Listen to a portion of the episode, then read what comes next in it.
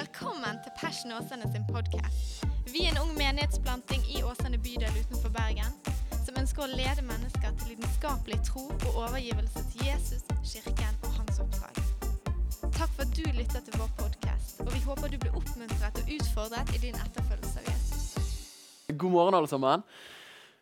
Eh, jeg må si jeg er litt sånn imponert av dere for i går kveld. Det å ha dåpsundervisning tre på ti om kvelden, det er, tror jeg ikke det er veldig mange i Norge som har hatt. Utenom liksom, eh, samtaler om dåp, gjerne så sengt, men ikke liksom, undervisning om dåp. Så det, jeg syns dere har holdt dere modig våkne. Det må jeg si.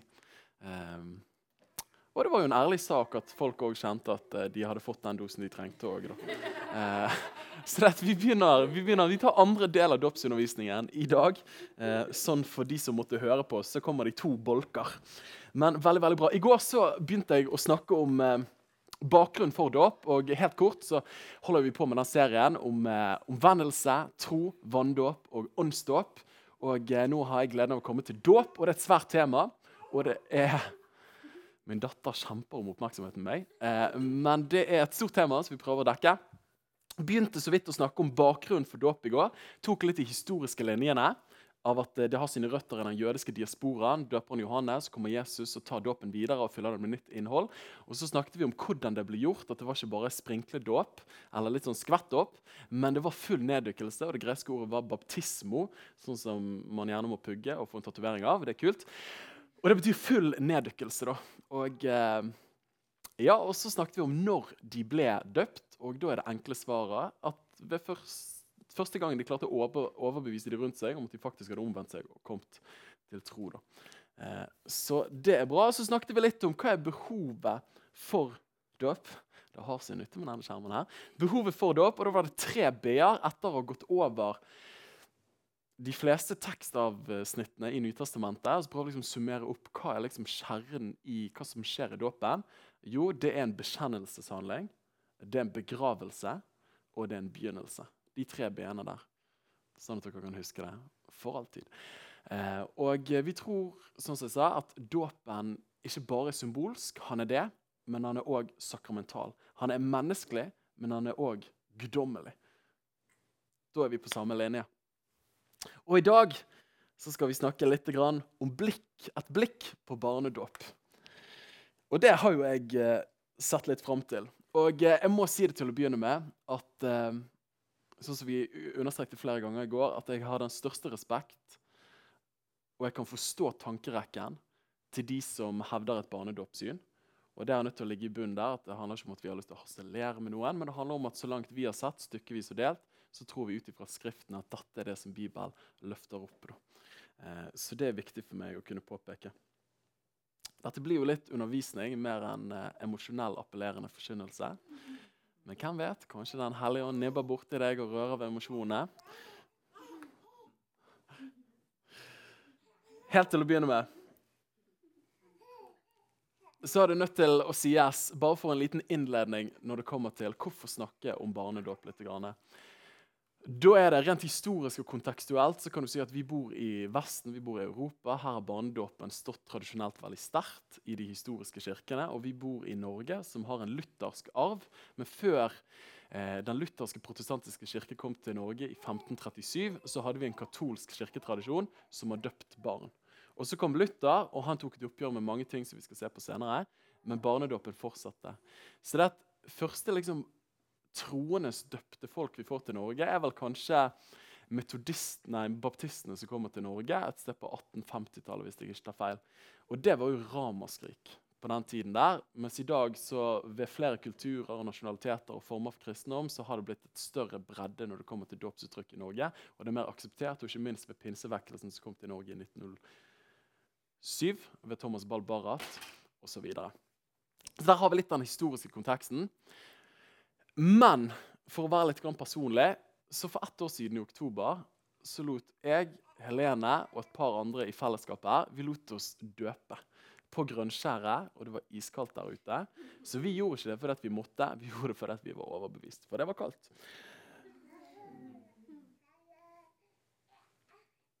Og så kjenner jeg at jeg Kan jeg Hva er det jeg sier her? At det å la seg døpe på nytt var en frukt av en tro og en overbevisning for min del. Jeg hadde vokst opp i Frikirken og Kristkirken, eller Åsane frikirke, som sa i går, og man hadde ikke stilt noe særlig spørsmål til det. Møtte Jesus da jeg var 13 år gammel, begynte å lese apostlenes gjerninger. Jeg klarte ikke å finne barnedåp der. Bak i huleste er det som skjer, liksom? Og så begynte jeg å tenke liksom, ok, kanskje det er troendes dåp som er tingen. Men så lot jeg de tankene ligge litt fra, la de fra meg. Jeg var jo 13-14 år. Du har ikke lov til å tenke for mye da. Så da, fulgte jeg det som jeg hadde vokst opp med. Men så begynte jeg å studere teologi. Og da begynte dette spørsmålet rundt dåp å vekkes enda mer. Da. Og For et par år siden så kjente jeg at jeg hadde et behov for å avklare dette spørsmålet for min del. og Da gikk jeg gjennom alle tekstavsnittene det kom til dåp i Det nye testamentet. Prøvde å lese masse bøker på det, samtalte med andre mennesker. Og Da kom jeg til den erkjennelsen etter hvert at ut ifra Det nye testamentet så virker det som dåpen er en frukt og en følge av omvendelse og tro til Gud. Og så lar man seg døpe pga. at man har kommet til det punktet. da. Og da ble det en problemstilling for meg at hvis du er døpt som barn, så kan du ikke ha omvendelsen og troen. Og så la seg døpe. Jeg tror at barn kan uttrykke tillit. Det ser vi ved min lille datter Anna. Hun kjenner meg igjen og smiler mer til meg enn til andre. Og videre. det er en tillitsdimensjon der. Men hun har nok ikke kommet til en erkjennelse og overbevisning om at Jesus Kristus er Herre og Frelser for mitt liv. Uh, uansett hvor fantastisk hun måtte være. Sant? Og Jeg tror, jeg ser ikke ett eksempel i Nytestamentet på at dåpen hviler på noen andre sin tro. Men det hviler på den som lar seg døpe sin egen tro og samvittighet. Og Det ble det springende punktet for meg og flere av oss. Derfor lot vi oss døpe. Ok, Så det trenger å ligge litt i bunn. Nå er jeg veldig åpen og ærlig, og det er jo fint og flott. Eh, og, eh, så jeg er jo ikke objektiv i denne saken på noen måte. På samme måte som objektivitet er en utopi som aldri klares å oppnå. Men jeg tror at Guds ord er sannhet. Og man prøver å se så langt man har kommet. All right. Litt grann historiske betraktninger når det kommer til barnedåpen. Første gang vi hører om barnedåp, er mot slutten av 200-tallet. Og Det var en tankevekker for meg når jeg begynte å studere dåp. Jeg trenger å forstå, Hvis jeg skal ha et barnedåpssyn, hva er historien bak det? For Du finner det ikke i Nytestamentet, men du finner det først på slutten av 200-tallet.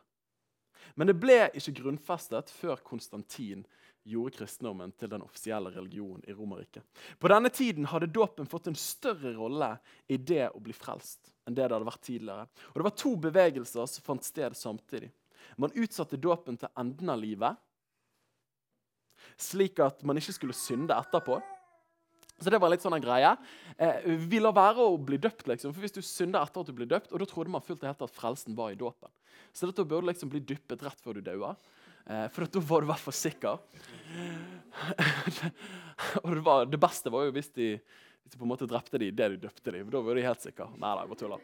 Det var jeg som la til. Men så var det òg en annen bevegelse som fant sted. Det var at Du måtte døpe de så fort som mulig. da, Framskynde det til starten av livet, slik at man ikke skulle gå fortapt hvis man døde, siden barnedødeligheten var veldig høy. Og Dåpen ble da sett på som det eneste middelet for frelse. Man glemte troen, man glemte omvendelsen. Og dåpen ble primært sakramental, type katolsk tankegang. Og det er masse symbolismen i den forstand at det var en bekjennelseshandling. som det enkelte gjorde. På samme tid dette er interessant, synes jeg, skjedde det en drift i urkirken, eller i den gamle kirken etter urkirken, en drift mot Gamletestamentet. Og dette er litt interessant. Man fikk innført presteskap man fikk på plass altre igjen i kirkene og forsamlingen. Og alteret var jo der man ofret dyr til Gud i Gamle testamentet. Men i Nytestamentet står jo det ingenting om at de første kristne hadde et alter. Man fikk templer igjen. Det står ingenting i Bibelen om at de første kristne bygde svære templer og kirker og konstruksjoner. Og det som skjedde også når Konstantin og kristendommen kom til makten i Konstantin, så tok de over avgudstempelet og så videreførte de mange av avgudsskikkene som de prestene hadde hatt, f.eks. sølibatiet. Avgudsprestene skulle leve i sølibati, og så ble det overført til de kristne prestene. Veldig rar greie. Og så står det òg at de fikk eh, klær. F.eks. klær. Du har gamle testamentlige prestene. De hadde klær. Veldig nøye forordninger der. Det begynte å komme tilbake igjen. Det står ingenting i Nytestamentet om det, utenom at de skulle ha trange bukser og Converse-sko. De begynte med røkelse. De begynte med masse offer. Er dere med meg? Du ser en trend tilbake til Gamle testamentet og en trend ved å videreføre avgudsprestene sine tradisjoner. Da. Og Dette ble gradvis ført inn i kirken. På samme tid ble kirkestrukturen mer og mer lik Romerriket. Og dette er fint. Når kirke og politikk blander seg, da blir det et uhyre, mener jeg. Og det toppet seg med biskopen i Roma, som tok over keiserens tittel, Pontifex Maximus. Fett. Tenk å ha det på døren, liksom. Pontifix Maximus, og det han vi i dag kjenner som paven. Så der ser du at kirken går mer og mer over den politiske arena. Og konger og prester ble de få, og ikke alle troende var ikke lenger konger og prester for Gud, men det var de få utvalgte. Og Det var altså en dragning mot Gamle testamentet. Og På denne tiden oppstod også sammenligningen med omskjærelse og dåp. Omskjærelse i Gamle testamentet og dåp i Det nye testamentet. Begge ble sett på som tegn på det å være født inn i Guds folk. Og det er interessant det her, men håndspåleggelsen ble etter hvert utsatt til en konfirmasjon. Er du klar over det?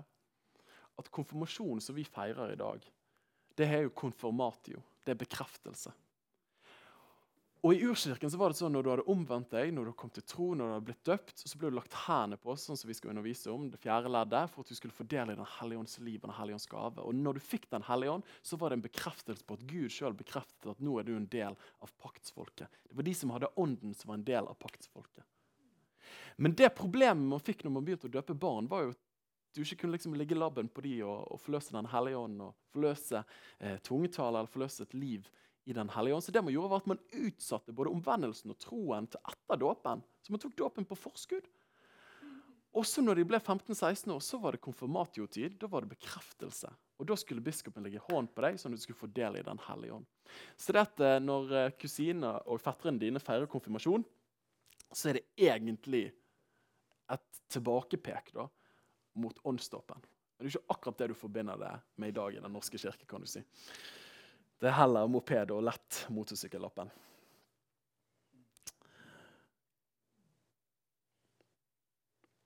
Og reformasjonen, det som er interessant Når du ser den dragningen mot Gamle testamentet, så er middelalderen ofte en veldig sånn mørk historie. Men så kommer reformasjonen, og så tenker man at her er det et lysglimt. Og det skal understrekes på alle måter. At reformasjonen var et lysglimt i kirkehistorien. Reformasjonen tok et oppgjør med mye overtro og vranglære i kirken. da den katolske kirken. Som f.eks. masseofferet. Luther sa hva er det dere holder på med? liksom? Jesus døde en gang for alle. Slutt å ofre ham hver gudstjeneste. De tok et oppgjør med relikvier. At du hadde nødt til å gå rundt med sånne hjemmespikrede kors i lommen liksom, og si Ave Maria. De tok et oppgjør med statuer. Du hadde ikke nødt til å ha masse statuer hjemme. Bønn til helgener. Ikke bønn til Helge, men bønn til helgener. Uh, all right. Pilegrimsturer. Det var ikke nødvendig med pilegrimsturer. Og Sølibatiet tok de et oppgjør med. Jeg synes Det er alltid en festlig historie med Martin Luther. sant? Han, det er et mannekloster som han er vel i, og så sier han at dere må date det kvinneklosteret der, for vi tror ikke på sølibatiet lenger. Og så får alle seg en kone, og så er det bare Katarina igjen. Og så sier han jeg får ta henne, da. Og så blir det de to som er sammen. Og eh, Nå skal du få et ekteskapstips, men Martin Luther sa at det eneste du trenger for et godt ekteskap, det er sakramentene og bønn. Så dette er altså dåpen og nattværen og litt bønn på toppen. Da er du happy-clappy. Og Hun var en grådig fin mor, sier han. og Hun lagde mange barn og hun stelte i stand gode måltider. Så dette livet var great. Så dette Hvis du ikke sitter igjen med noe, så ta med sakramentene og bønnen. Men barnedåpen besto midt i oppgjøret som de tok, så bestod barnedåpen. Og det er ganske interessant. Og selv om reformatorene forsto fort at frelse i dåpen og rettferdiggjørelse ved tro alene, som var Martin Luthers kjernesannhet, det kunne ikke henge sammen. Men likevel tok de ikke fullt og helt et oppgjør med det. Og det er interessant da. Men hør på hva Martin Luther sier. Og Det er faktisk skrevet en bok som argumenterer for troenes dåp bare ved hjelp av sitatene til reformatorene som Martin Luther, Calvin og Svingli. Det er jo fascinerende i seg selv. Men Martin Luther sier «Without personal faith, no one should be baptized». Oi! Where we cannot be sure that young children are themselves believers and themselves have faith, my advice and judgment are that it is better to delay, and even better that we baptize no more children, so that we do not with such foolery and tricks make a mockery out of our blessed majesty of God. Og det er The Sermon for the Third Sunday After Epiphany. Der sier sitert Luther, da, og han kalte òg barnedåpen for den vantroe dåp. Fascinerende med tanke på at de ikke tok et fullt oppgjør med det. Og Calvin sier det sånn som dette her. As Christ enjoys them to teach before baptizing, and desires that none but believers shall be admitted to baptism, it would be it would appear that baptism is not properly administered unless when it is preceded by faith. Og så sier han videre Baptism is as it were an altså et uttrykk for tro. Det var vanskelig engelsk ord der.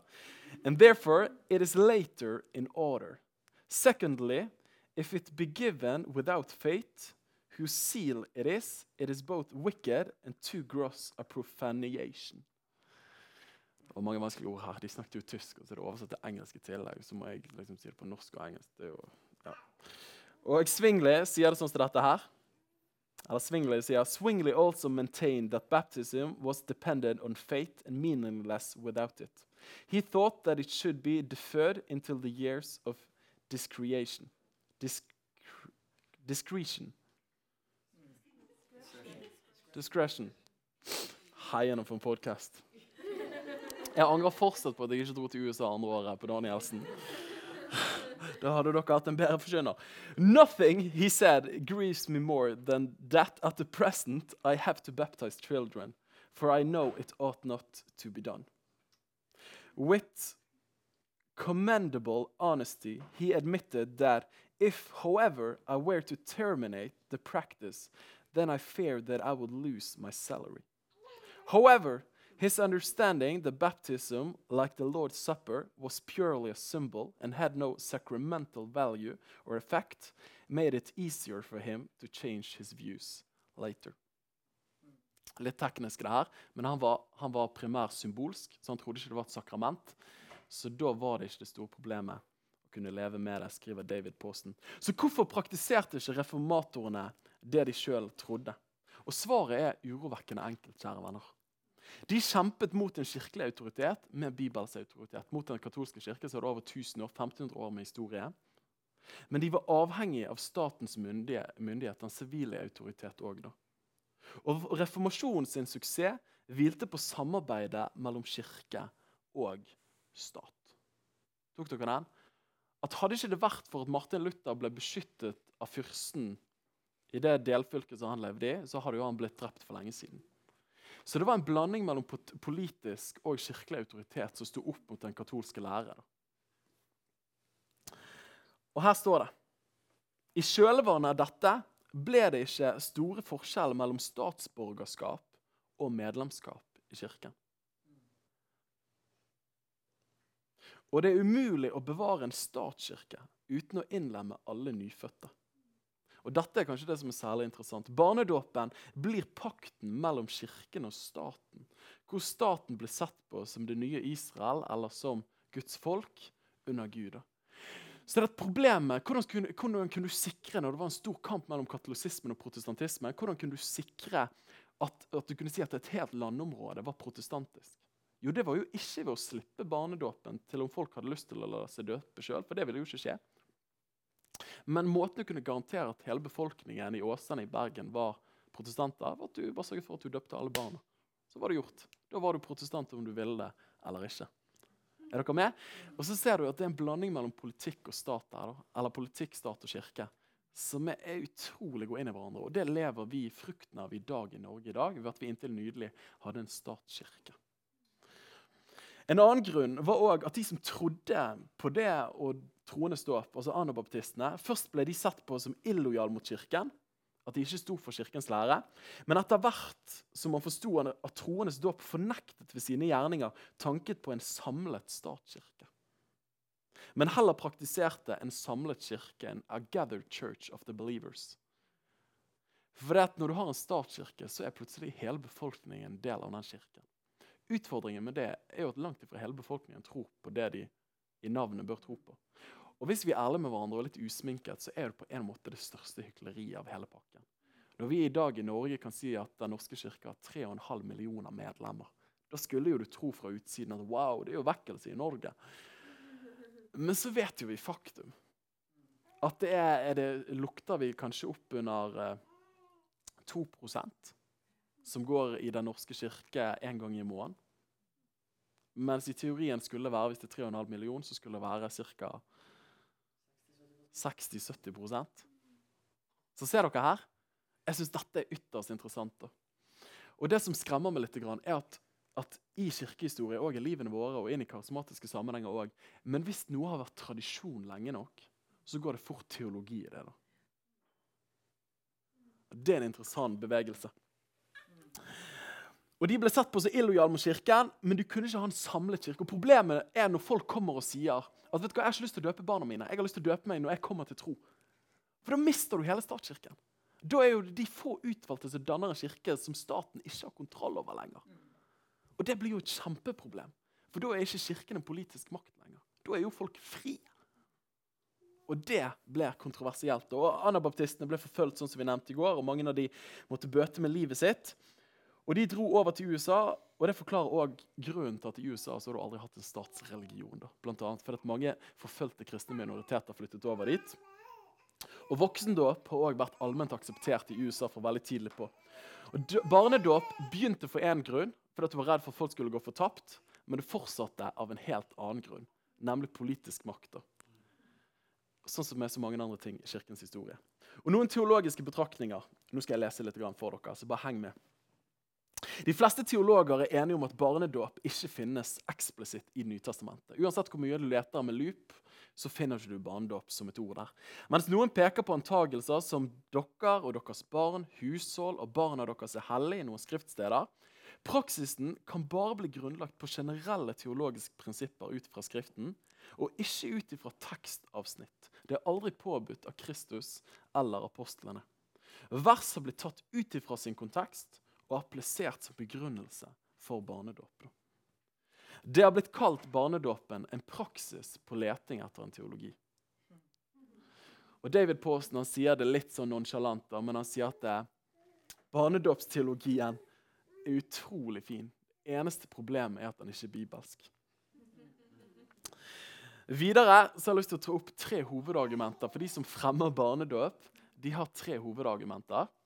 Eh, og jeg tenker at De skal man møte med stor respekt. Og jeg får ikke mulighet til å, å vise de tre punktene helt rettferdighet. Da burde det vært en som forfektet barndom som satt der. Men å gjør det ut ifra det blikk som jeg har blitt gitt, og, og, mine studier på reisen til å lande der jeg landet, og flere av oss landet. Men det første holdepunktet som de som forvekter barndom, sier, er ofte husholdningsteologien. At han ble frelst med hele sitt hus. Her står det han ble døpt med hele sitt hus, og du finner fem skriftsteder i Det nye testamentet som står noe av det liggende av det, da han og hans hus ble frelst. Og Når det står 'hele hans hus', så innebar det ikke kjernefamilien sånn som vi kjenner det, men det innebar storfamilien. Slaver, onkler, tanter, besteforeldre. Det var en stor, det var et oikos, som er det greske ordet, som er et stort hushold. Men det er merkelig at Skriften ikke nevner noe om små barn ettersom det er svært usannsynlig at ikke noen av alle de tusen menneskene som kom til tro på Jesus, ikke hadde små barn, de da. Mest sannsynlig så hadde jo noen av de første kristne små barn. Altså jeg tenker Det er jo logikk. Noen av de tusen som kom til døperen Johannes, måtte jo ha små barn. Og Da er det veldig rart hvis Bibelen ikke bevitner hva som skjedde med dem. Hvis de ble døpt, så skulle en tro at Bibelen nevnte det. Så det er ganske tydelig. Jeg mener at at det er overveiende sannsynlighet for at barna ikke blir døpt, siden det ikke nevnes noe ut ifra det. Og at de som legger sin vekt på at han og hans hus ble døpt med små barn, så er det en veldig søk teologi, vil jeg si, og det bygger på antagelser mer enn at det er veldig eksplisitt fremmet i Skriften. Og Noen hevder det. ja, men Daniel, Grunnen til at du ikke finner barnedåp i Nytestamentet og Apostelens gjerninger, er på grunn av at det var første generasjon med kristne så det, at, eh, det, var jo voksne som responderte på evangeliet. Og nok en gang, det er jo veldig utenkelig at ingen av de hadde barn. liksom. Det var sånn Etter at vi har tatt imot Jesus, da begynner vi å få barn. Sånn? Det tviler jeg på. Um, Og Elementene som, beskrevet, som står beskrevet rundt dåpen i Nytestamentet, fordrer at det er bevisste personer som lar seg døpe. Og Hvis man tar disse versene til inntekt for barnedåp, så er det i hvert fall på, på, svært spekulativt grunnlag, vil jeg hevde. Da. Det andre punktet som mange som hevder at barndomsteologi, de vil snakke om en paktsteologi. Da. Og her står det Hvordan klarte reformatoren å rettferdiggjøre dette teologisk for seg sjøl? Luther argumenterte og sa at man ikke kunne vite om et barn hadde tro eller ikke. Men han klarte aldri helt å løse det dilemmaet der. Calvin, han fant, han, eh, for Calvin var det hjelp å få ifra Svinglis etterfølger Henrich Bullinger. Og Han kom med totalt nytt teologisk konsept. kjære venner. Han tok alle Bibels pakter. I Romerne 9,4 så står det om ulike pakter i Bibelen. Han tok alle de bibelske paktene og så samlet han de under én overskrift som han kalte for nådens pakt. Og Det høres veldig fint ut. Problemet er at det er et begrep som er helt fremmed for Skriften. Og Kontinuiteten mellom det gamle og den nye pakt ble understreket, og det fremsto nesten som ingen forskjell lenger. Inngangen til begge paktene var så å si lik, nedarvet fra fysiske forfedre som allerede var i pakten. Og Der kommer tanken og overføringsverdien av at jødebarn ble omskjært på den åttende dag. Ja, men da døper vi små barn, da. Sånn at de som er barn av troende foreldre, at de òg er en del av pakten. Barnedåp ble da sett på som den nye form for omskjærelse, ja, og burde skje i noe av det samme tidsrommet. Så, så klart trengte man tro til Kristus senere i livet, på samme måte som en jøde måtte følge loven senere i sitt liv. Da. Ser dere det? At det som skjedde i Oldkirken, at linjen mellom Det gamle og Det nye testamentet, gamle og nye pakt, svinner litt hen. Og så tar man et gammeltestamentlig prinsipp og overfører det i en nytestamentlig drakt. Jeg tror at Det har vært mye av kirken sin historie, og det tror jeg er veldig krevende. Og Denne vakre teologien kan bare spores tilbake til én kilde, og det er Bullinger. Og det for bare 400 år siden. Tenk for det, at paktteologien med at omskjærelse og barnedåp den er faktisk bare 400 år gammel. 400-500 år gammel. Det er interessant. Samt ingen kommer naturlig fram til denne slutningen, men bare folk som har blitt undervist i reformert teologi. Og Det var et sånn springende punkt for meg at når jeg satt og snakket barnedåp med mine gode venner, så kunne jeg bli rørt til tårer, for jeg syntes det var så utrolig vakkert. Eneste problemet var at var, du, må liksom ha, du må liksom ha svart belte i teologisk gymnastikk. da. Til å liksom komme fram til det. For dette er så intrikat. da. Og Den største utfordringen skriften, i Skriften i møte med barnedåp vil jeg hevde er Skriftens egen tydelighet i møte med paktteologien her, i bruddet mellom den gamle og den nye pakt. og Hebreeren 8,13 snakker om det. Hovedforskjellen i hva som angår oss, er at den gamle pakt var kollektiv, mens den nye pakt er individuell. Veldig viktig poeng. At Den gamle pakt er kollektiv, den nye pakt er individuell. Og for eksempel, I Apostelens gjerning 238 så roper Peter ut og sier at hver og en av dere skal la seg døpe. Og det er ikke at ja, hvis, du, hvis du, Per, går, så går kona og barna dine liksom one for all. liksom, sant? Men han sier hver og en av dere. Hver og en. Og i Johannes 3, 16 så sier jo Jesus for hver den som tror. Hver den som tror på meg, skal ikke gå fortapt, men ha evig liv. Hver den som tror. Og Romerne 10, 10, at den som bekjenner med sin munn Du bekjenner ikke på vegne av hele din familie, du bekjenner for ditt liv. At åndelig fødsel i Det nye testamentet er ikke fysisk. Åndelig fødsel er ikke fysisk. Nei, nå tar vi det på nytt. Åndelig fødsel, ikke fysisk, er kvalifikasjonen for dåpen i Det nye testamentet. Og dåp og omskjærelse hør på det her, blir aldri identifisert sammen i Det nye testamentet. I så fall så er det i forbindelse med Abraham, og han ble omskjært etter at han trodde. Som et tegn på at han hadde tro og på Guds løfter. Tok dere den? At omskjærelse og dåp står aldri sammen. I så fall så er det i møte med Abraham, men han ble først omskjært etter at han trodde. Så da skulle man, da, skulle man tatt den applikasjonen helt videre, så burde man blitt døpt etter at man kom til tro. da. Og Følger man denne tankerekken til paktteologien, så må mor og far tro. Fadre og eh, godparents kan ikke ta dette ansvaret. Og hvis foreldrene ikke tror, så må man være konsekvent og si at dåpen ikke gjelder.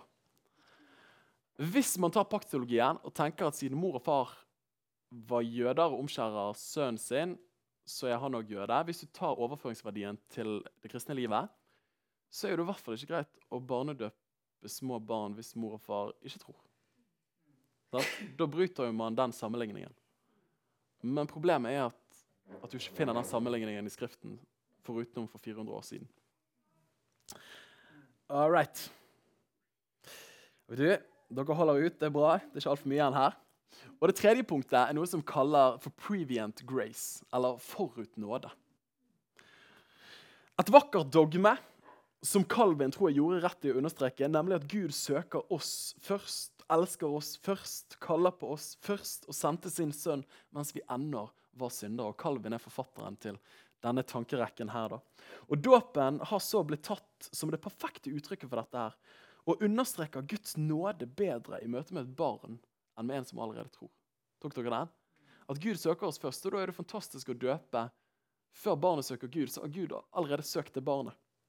Hovedutfordringen med dette synet er at Ente ser på dåpen ikke som en previent grace, at du får nåde på forskudd, men det er appropriate, appropriated grace. Det er applisert nåde.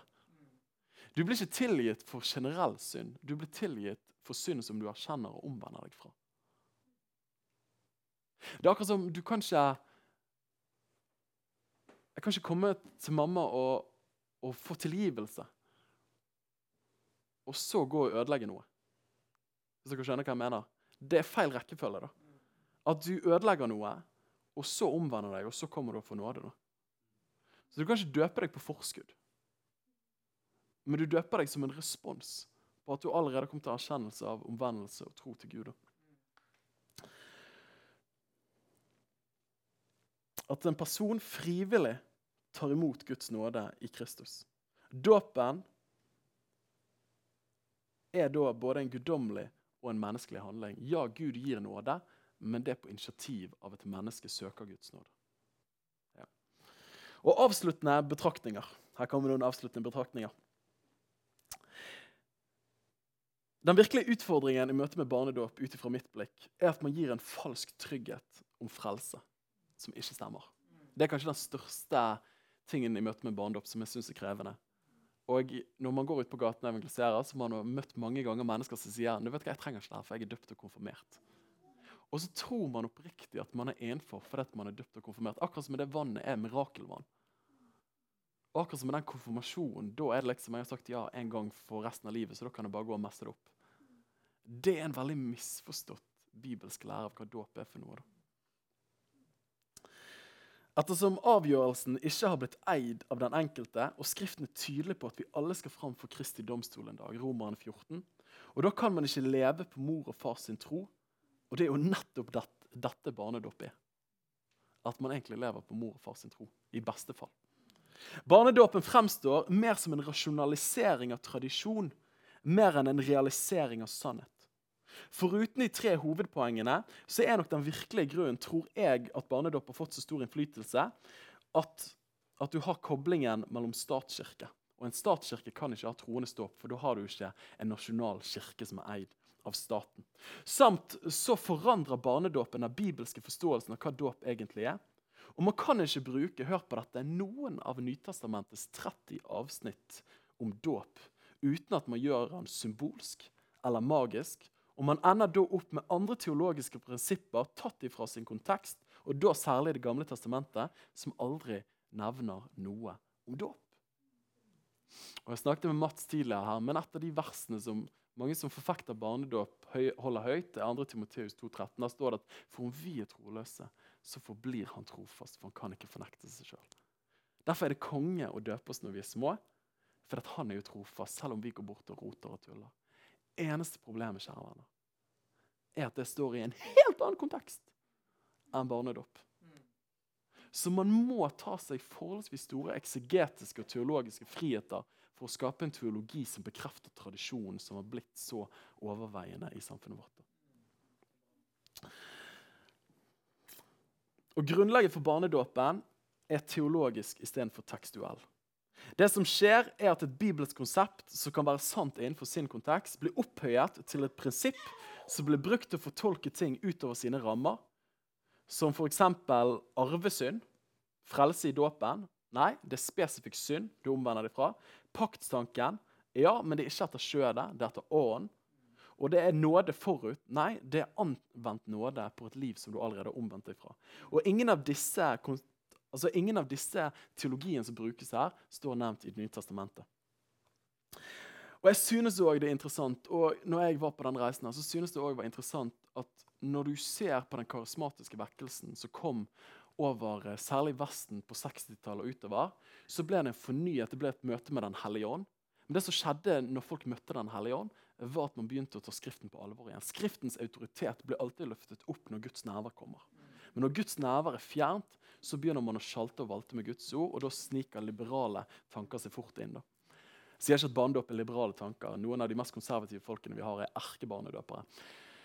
Men når Den hellige ånd begynte å komme i den karismatiske vekkelsen, så begynte folk å trekke tilbake til Skriften og begynne å se ok, vi har blitt døpt i Den hellige ånd, men hva står det egentlig om dåp Og så begynte det å skje en renessanse av troendes dåp. Og det er også interessant Når du tar et lite blikk utover verden, og tredje verden, og der vekkelse finner sted, der store mengder kommer til tro, og tar Latin-Amerika særlig, og Brasil, der det er bare full-fledged revival, der er det ene og alene troendes dåp som er praksis. da. Og For meg så er det en tankevekker at mange av de som forfekter barnedåp, er som regel lange historiske og tradisjonelle kirker. Du må enten ha gått teologistudier ganske lenge for å komme fram til det. Mens de som bare møter Jesus, får Den hellige ånd og får en bibel sluppet opp i hendene, de ender på troendes dåp. Det er en tankevekker. Og hørt fortellinger om mennesker som ikke har hatt en misjonær, men fått en bibel. Vet du hva dåp de begynte å praktisere når de kom til tro? Det var troende stopp. Jeg tenker Ofte så er det enkle det beste. Evangeliet er enkelt. Evangeliet er enkelt. Oh yeah. Så helt til slutt der. Hva mener Bibelen når hun snakker om dåp, og hva betyr det for livet vårt? Jo, Når Det nye testamentet snakker om dåp, så er det tydelig at det omhandler en full neddykkelse i vann, og ikke bare litt sprinkling og splashing på hodet til en person. Av en person som har kommet til en bevisst omvendelse og tro. Og for oss og for oss som troende så tror jeg at det har både en symbolsk og en sakramental, en fysisk, en åndelig betydning i dåpen. Og Det er de fire b-ene, sier det igjen, med dåpen, behovet for det, bekjennelse, begravelse og en begynnelse. Og David Posten skal sitere han på slutten her. Jeg syns han sier det bra. Han sier, hør på der, dette må dere få med dere. Dåpen er for disippelskap hva et bryllup er for et ekteskap.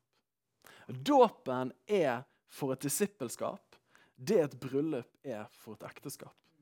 Fylden av forståelsen av handlingen trenger ikke å være forstått i øyeblikket. Og jeg skal love dere, jeg forsto ikke hva jeg sa ja til 16.4.2016. Vil du ha Helene? Ja. Jeg visste ikke at det betydde å sove dårlig i natt.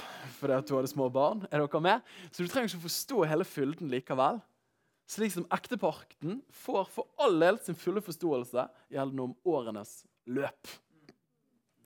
Og Det er òg bare én dåpsdag. Det er viktig å få med. På samme måte som det bare er ett bryllup. Men man trenger regelmessig å gjenkalle forpliktelsen og overgivelsen regelmessig. Men ikke gjøre det på nytt.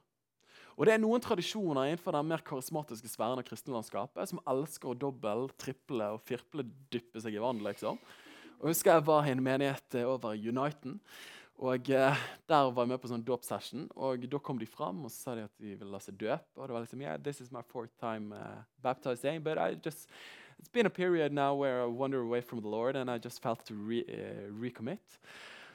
Og så bare tenkte jeg, huleste, liksom. Her går det inflasjon i dåp. da. Og det er jo fint å si til Helene Helene, jeg elsker deg. Men det er jo ikke sånn at vi er nødt til å gå ned til Salhus kirke og stille oss foran presten igjen liksom, og si at Helene, ja, jeg vil ha deg, liksom. Det gjorde man en gang. Men du kan gjenkalle forpliktelsen din. Er du med? Det er bare én dåp. Det er viktig for meg. Det er bare én dåp. Det er bare én dåp. Det er ikke to dåper, det er ikke tre dåper. Og du trenger ikke å recommitte med å døpe deg, for du har allerede forpliktet deg. Men Jesus snakker om det her i Johannes 13. Han sier at den som er badet, trenger bare å få sine føtter vasket. Så da er det å bekjenne sin synd synsbekjennelsen, Omvendelsen, den personlige omvendelsen, det kristne fellesskapet, nattværen. Jeg mener at Nattværen er en, sånn, på en, måte en, en, eh, en tilbakevending til den første overgivelsen. At du får tilgivelse for dine synder, og du blir minnet igjen på den pakt du har inngått. Så det er bare én dåp, det er bare ekt, ekteskap, og det er bare én dåp. Og hør på det her. Dåpen håndterer primært vår fortid, ikke vår framtid. Og det forsto døperen Johannes. Derfor snakker han om at det skal komme en som skal døpe dere i Den hellige ånd. Matteus 3,11. Så vanndåpen er for purity, hvis jeg kan tillate meg å snakke mer engelsk. Vanndåpen er for purity, men når Jesus kommer, så døper han i Den hellige ånd, som er for power. Purity and power.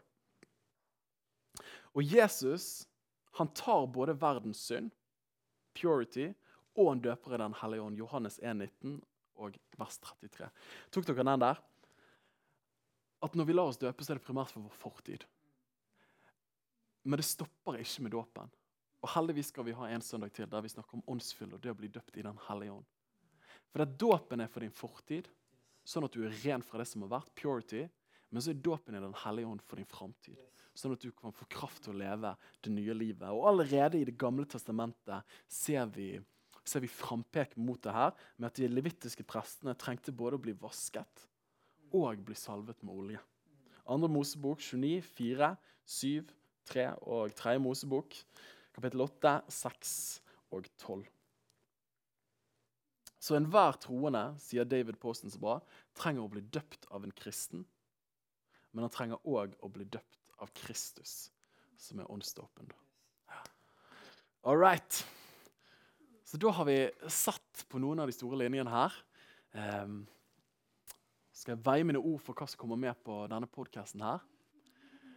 I Passion så står vi for det teologiske grunnlaget vårt. Så står vi da helt enkelt for at dåpen er både en bekjennelseshandling, men at òg Gud bekrefter og gjør noe i dåpen. Det er symbolsk og sakramentalt. Og jeg tror på ingen måte at du må la deg døpe for å bli frelst, men jeg tror at dåpen henger sammen med frelsen. Det er et mysterium. Jeg forstår ikke helt hvordan det henger sammen.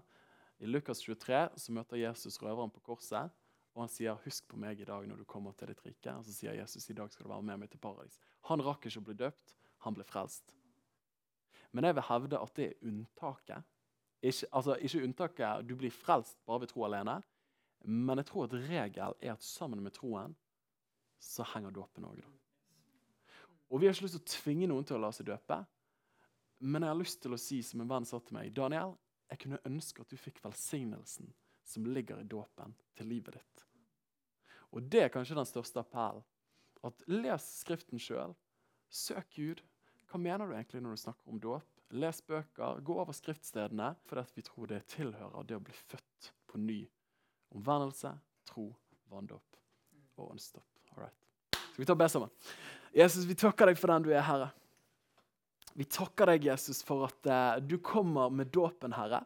Ikke som en byrde, men som en velsignelse, Herre. Og selv om det har ødelagt mye i kirkehistorien, så ber jeg om at vi i denne generasjonen her skal få lov til å være med og fiske opp igjen noe av betydningen av dåpen. Og at vi ikke skal uh, finne den for lett, og vi skal ikke gjøre den for tung heller, Herre.